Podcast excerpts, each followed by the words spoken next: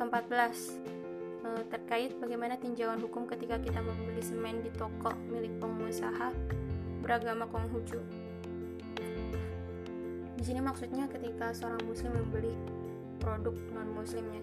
Nah, menurut pribadi anak, ketika kita melakukan transaksi jual beli kepada pemilik toko non muslim itu diperbolehkan hukumnya selagi apa yang kita beli itu atau barangnya adalah sesuatu yang tidak diharamkan oleh Allah atau dapat dipastikan kehalalnya. Nah, ada hadisnya tuh. Itu tentang Rasulullah pernah membeli makanan dari seorang Yahudi atau Abu Syam yang mengadakan dia mengadakan baju perangnya kepada Yahudi tersebut. Nah, pola Rasulullah tersebut tuh berinteraksi dengan non-muslim dari segi ekonomi.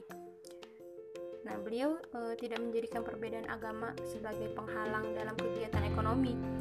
E, beliau pernah membeli makanan dari Yahudi dan menggadaikan baju perangnya kepada Yahudi selama tidak ada permusuhan. Artinya, kegiatan ekonomi bisa di, e, bisa dilakukan kepada pemeluk agama mana apa pun gitu, mana pun, tetapi harus menjaga kehalalan barang yang dijual atau yang muslim kan tidak boleh membeli dan menjual barang yang diharamkan. Jadi jual beli dibolehkan dari non muslim untuk memenuhi kebutuhan hidup.